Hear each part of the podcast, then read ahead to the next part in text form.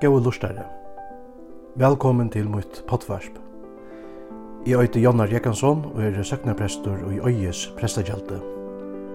Om seg sjálvan sier Jesus, Jeg er vevren og sannløyken og løyve. Ønske kjem til feiren og ta meg mer. Okkara støva i fri Jesus, hever avløykas fylgjer fyrir jokkon. Vi mittel anna praktikon, bibliotøymon og fire lestron, Ikki tøy við hesum potvarpi.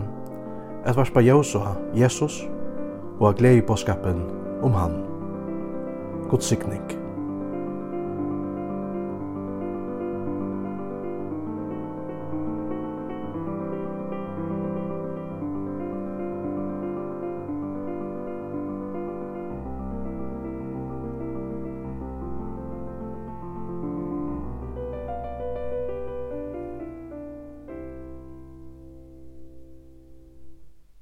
Tu jeg så elskar jeg god heimen, at han gav sån søgn hinn øynbarna, til tess at øyn og kvør som tror han, ikkje skal glættast, men heva evigt liv.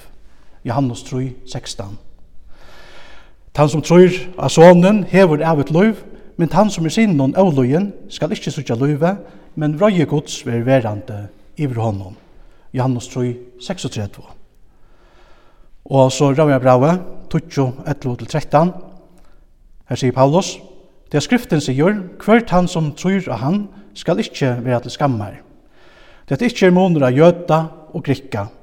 Det er at insami er herre til ødlån, fullrøyker fyrir öll tei som akkalla han. Det er hvert han som akkalla navn herrans skal vera frelstur. Hvert er hitt grundleggjande og i hesson årenon, så vidt av hørst. Jo, det er ikkje tryggven og seg sjolvon, men tryggvin av Jesus som er hitt grundleggjande. Tryggvin av Jesus. Et avgjerande er ikkje ekta at menneska trur. Et avgjerande er her at måte kvært menneska trur av. Etla kvenn menneska trur av. Då er det òsni at vi i troa jottanene, jotta trunna ein trøynia god, fægir, son og heilegan anda. Etter det har vi tryggva av.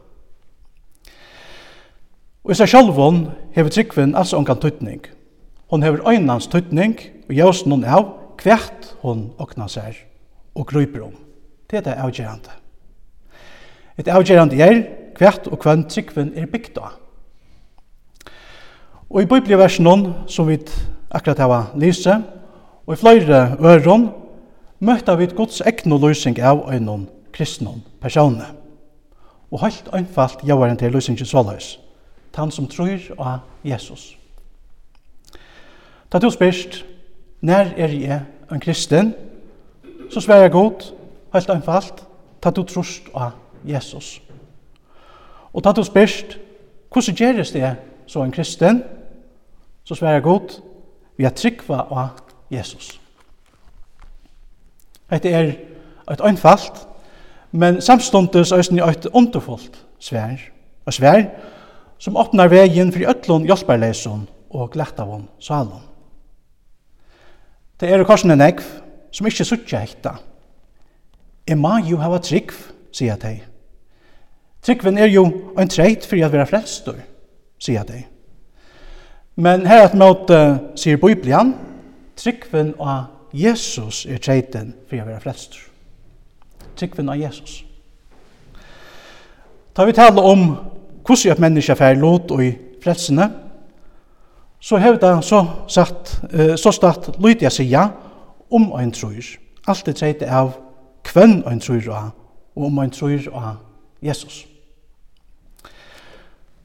Og i sånne lytla bøklinjen om Jesus og troen, sier norske godfrøyngren og praktikermauren Øyvind Andersen, så løys.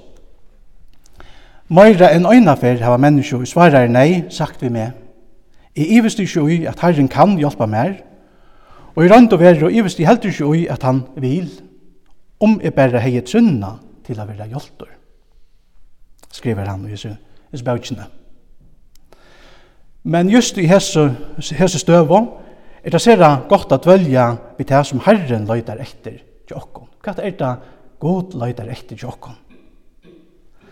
Jo, til hekta, at vi løyde okkur sjål tja Jesus.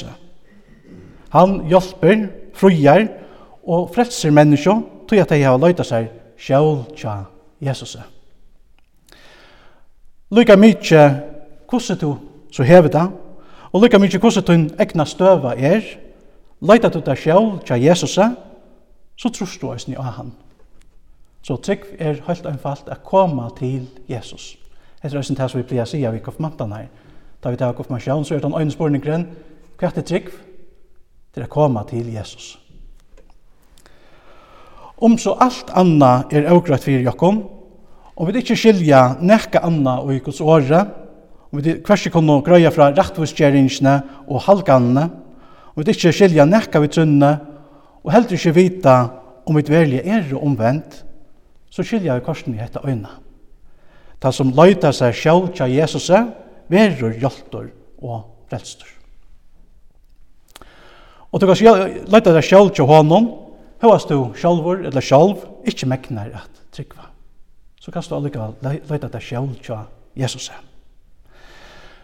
Og røymligt, som det jauar, så er hekta korsene Guds år.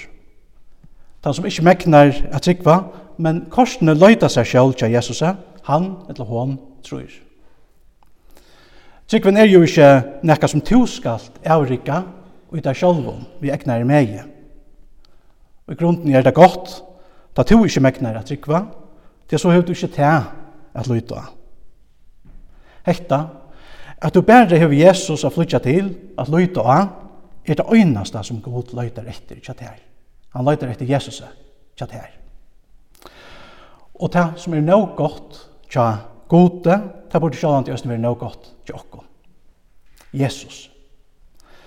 Og i sinne bauklinjen om, sier Øyvind Andersen, Menkan ta iver stattor i nei, og altså ikke heie trygg til å være hjaltor, vær i korsene hjaltor, til at jeg i øtlom min egna hjelperløse fikk løyve til at løyta meg sjål tja Jesus.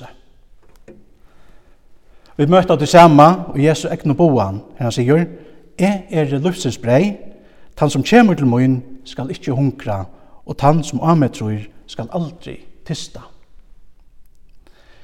Her brukar Jesus åringanar tan som kjemur til moin, og tann som trur av meg, vi som mersing.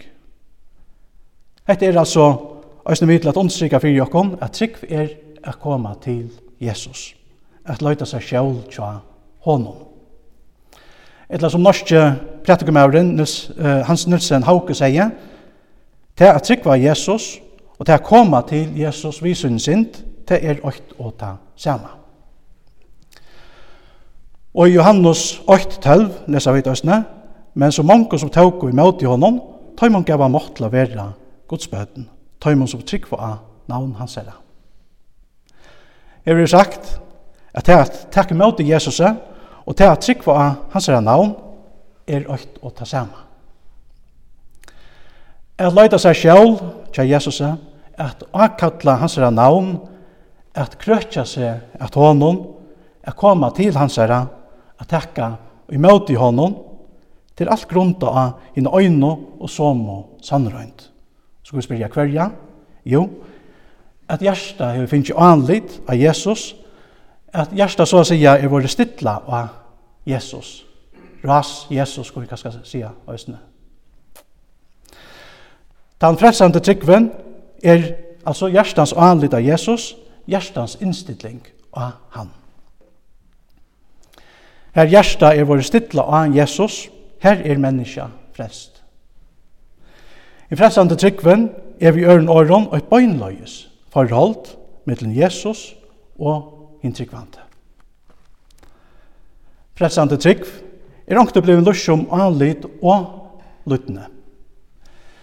Men hetta kan være en mandamikil løsning, til at hetta er en samanblanding av trunne og det som tryggven virkar.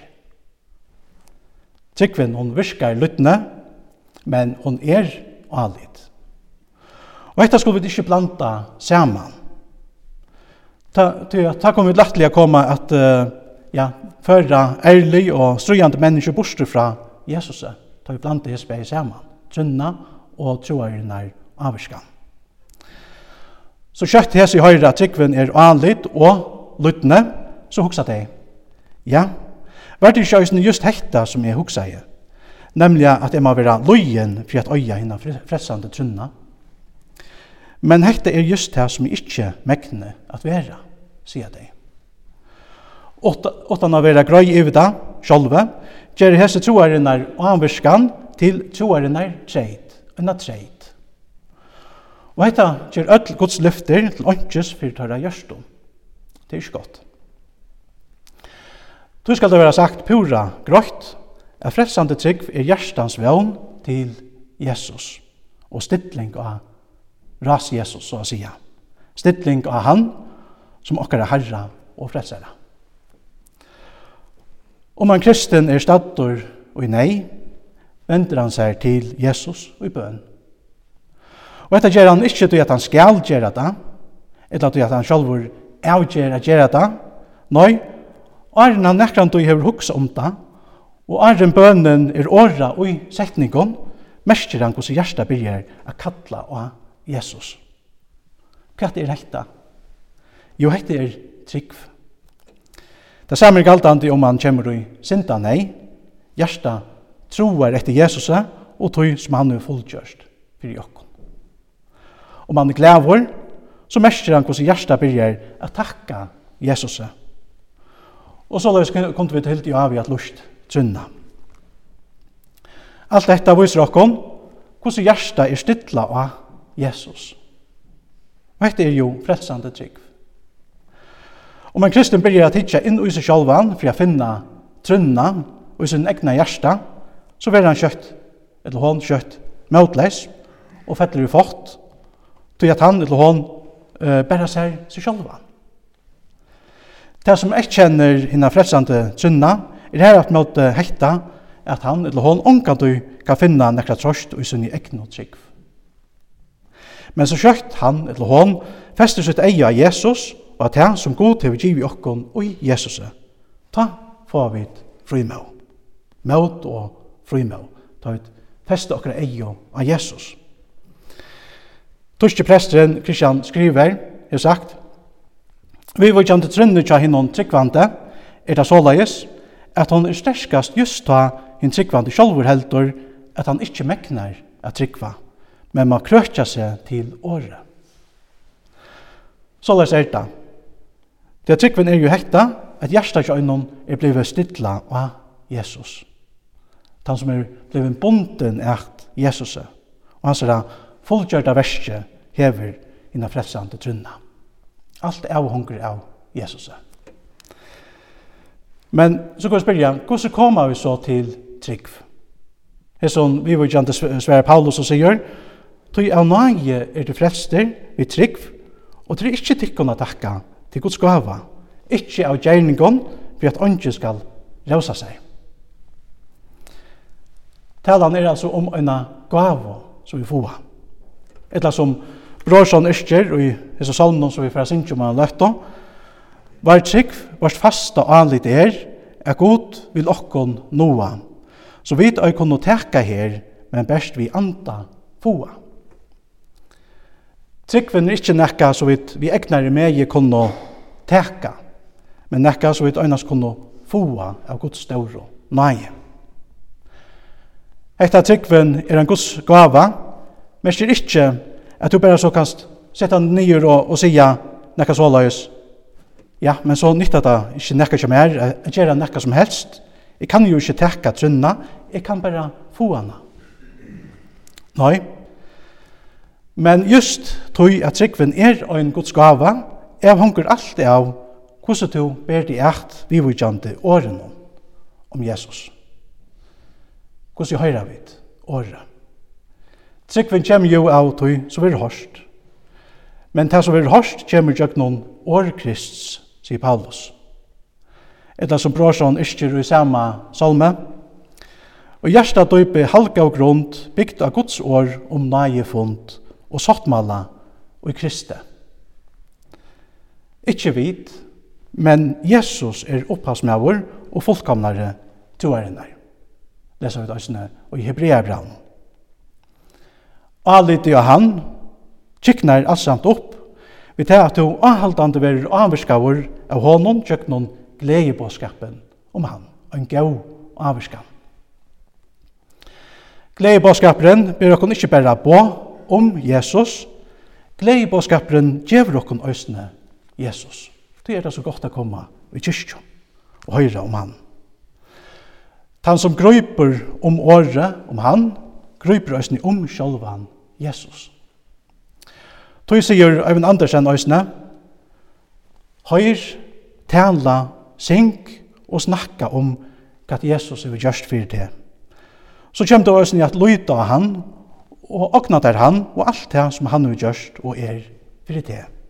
Altså sier han, Høyr, tænla, sink og snakka om Jesus. Brorsan, han isker øysen i ene stedene, i en øren salme.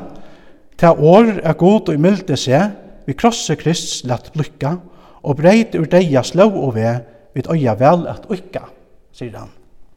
Det er her som ta at hjersta fer, folk attor raknar vi som er og i sinta myskre sauna. Så det er måttor i hesson åren, Guds åre. Og jøsen og fra tøy, så vi tar nomen vi, så tja vit at okkara egne vilje hevur ikkje å seia da det kemur til okkara omvending og frelso. Alt av hongur av Guds nage og Guds frelsande vilja vi her og mer. Og etter oss nekka som Luther skriver om og i bøkene om hintrela bundna viljan fra 1525. Og det er godt at jeg seg grøyt på en av veien hva Luther skriver til vi er snir åren om vilje Så nu kommer jeg til å inna till er vilje, frian vilja och trälabondan vilja. Men kvart sipar Luther til, han brukar dette året vilje. Han sier ikke nøy til at menneska hever en avvisan frian vilja og gjør han til spurningon som har bytja hus og så framveges. Det fratse viljen i sambandet vi god og hans er tøytninger det frelsina som Luther sier nøy til. Så han understrykker at vi har var en trælabondan vilja og ikke en fratsan vilja. Luther legger altså dent at menneska ikkje hever en fratsan vilja, vi vujkjande tog som er hakre, det vil sige god, og så videre. Men bare vi vujkjande tog som er lakre, det som er lagt inn under menneskene. Og så sier han, men i sambandet vi god og tog, så vi vujker fredsene og fordømmingsene, er menneska alls ikkje fratsan vilja, men i fenga lagt under og trela i enten under Guds eller Satans vilja sier han. Og dette samsvarer øyne vi tar som Paulus sier i Efsa-braun 2. Han sier, Øysene tikkon, så var det deier og i miskjeron og sindon tikkara, og i titt avur livd og i samsvarande tøyerhottnon i hesson høyme, etter hans herra leie, som valdar herligenon i luftene, de anda som nu er virksamur i bøtnon avlutnesins. Som øysene vit øtl avur livd og i middlon, middlen, i holskjerden okkara, Ta vi gjør det til som holdt og hoksanar vildo og våro av naturo røynarbeid, og så eisne hinner. Men god som er ryker og i hever av noen mikla kjernløyga som han elskar jokken vi, og eisne ta vi våre deier og miskjøren okkara, gjørst okken livande saman vi Krista. Av nøye er til frelster. Ja. Her var det fem vers, åtta nøy punktum så skriver Paulus här snyggt det. Det kanske man plejer sig at det er att han blir gripen så brukar han eller skriver han ut i åkt. Og i hans samband er menneske altså ikke frals, men heldre lukna vi av en strusjvall mittlen god og møsemannen, djevelen. Lotter han ondstrykker, og høsten jo sier, om vi er under hæsson heimsins gode, det vil si etla manne, så er vi høsten fangsla etter hansara vilja. Liva vid og djevelsens skære, gjerra vid etter egnom vilja og i samjau vi viljan, sier han. Men så ondsikker han, om øyn som er sterskare enn han, det vil si sterskare enn djevelen, kommer av han og vinner sier av honom og teker okkon til oknar, så er vi aktor vi anda hansara trealer og fengar, som tog er eit kongalit fralse. Så at vi fekner gjerra det som han vil. At han hatt hever mannaviljen så plass og myene som eit avmelande røygjør, sier Luther. Om god sett seg at det, gong det her god vil, setter satan seg at det, fer det her satan vil. Og det er ikke opp til røygjøre at avgjøre om det skal renna til hesa eller hesa søgina, understrykker Luther om hinn trælabundna viljan. Og i bøkene drømmen om den frie vilje, sier norske godfrøyngren og hønsbjerkingren Olav Valnes Henstad, så leis. Om bådskaperen om min bundna viljan ikkje gjør klost og størst og i meinighetene, så gjør hins sanne gledebådskaperen vi vissu heldur ikkje her. Toi kristblå og rattvise hever visselige onka meining undan ikkje her, og det vil give til fordømtar og glettar syndarar, som Isa sjálvun ikkje er fyrir fyrir nøkron. Det er fullkomliga høpeslest at et menneske vil flest av nage, frukt og avoppeborre, om det i grunnene er frie viljen til vikommande som er det avgjørende, sier det snir Valen Senstad. Ein etvinning som jaunan stinks seg opp, vi vujkjante hesen påskapen om min trælabundna viljan, jo er nekka såleis. Her man sier, Om vi ikke har fratsa vilja, så må alt være fyriatla. Som er fyriatla til evigt liv, og annor til evjan deia. Og tar det heldur ikke langer nekkar tørvor av a boa gods vår, og senda troboarar ut i heimen. God hever jo langer fyriatla som er menneskje til frelso og annor til glekta. Men hendan etfinningin samsvarer altså ikke vi bøyblina. Som pura grøy sier okkon, at god vil at öll menneskje skulle være frelst og komme å kjenne sannlagan. Hette pura grøyt i Bibelen. Og om man hetta kan òsne sigast at ønsken vil frelstur utan av Guds nage øyna, og at ønsken glertast utan av egnon av øyna. Og etter òsne til som vi sutja i Johannes 3.16, som vi laus i Johanne, det er så elskar jeg god heimen, til å si, så elskar jeg god öll menneskje, At han gav sånn søgn inn øynbarna, til tess at øyn og kvør som tror han ikkje skal glættast, men hava evigt liv. Men tar vi vidgjera hessar spurningane, så må vi tøsne vikenga, er sånt er fjallt for okkom, vi vet ikkje alt. Og så er det. Vi vet at uh, god vil at öll skulle være frelst. Det vet vi. Og samståndes vet vi tøsne at vi som godsbøten er utvalgt. God utvalgte okkon og Jesus er en grundvødler heimsens vær lagtur, understrykker Paulus og i Efsebraun. Så vi er utvalgte øsne og Jesus er. Hvordan hekta honke saman, ta vita vi korsene ikkje. Det er som vi leser i 5. Mausbøk, 1920, her det stendur, Hinner fjallt og lotner er og herrans, godsvars, men ta oppenbera ja, ja er fri okkon og bøtten okkara lesa vi til 5. Mosebok. Og vi øya at halda okkon til det som god hever åpenbæra fyrir okkon. God han elskar og vil at öll menneskjå skulle være frelst. Men samståndes vita vi øysene at øyne hver som være frelstor verir det til god hever utvalgt vi kommande.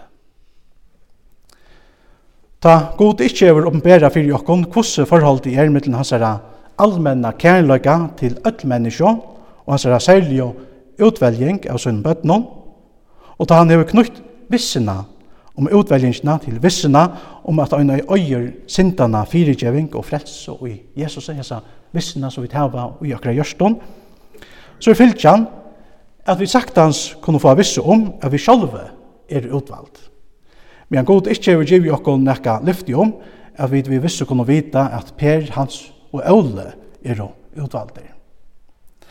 Et måte hever han lagt året om sottargjerna nyer ui okkom, så vi råpa til Per, Hans og Ola og han Høymen være sott vi god. Det er ein djupor samanhengur mittlen gledebåskapen og hin tjalabundna viljan. En djupur samanhengur. Og tog struttes Luther Østni møte i hese om tan fruja viljan. Vi var kjent her som understrykker svenske praktikamauren Karl Olof Rosenius, Østny og sier, nekv hava undra seg iver kvui Luther struttes og nekv møte lærerne og min fruja vilja. Men hekta hever sin orsøk, sier Rosenius. Om Kristus dør hundra ferir fyrir jokkon, om han hevur vært så indeslige bo av fyrir jokkon som omkant og avur, så kan alt hekta vera gjørst til fanuttis, bæra vi øynum setninge om viljan, nemlig at vi i okken sjolvun skulle haft måtten til å gjøre det gaua så vi vilja, understryker Rosenius.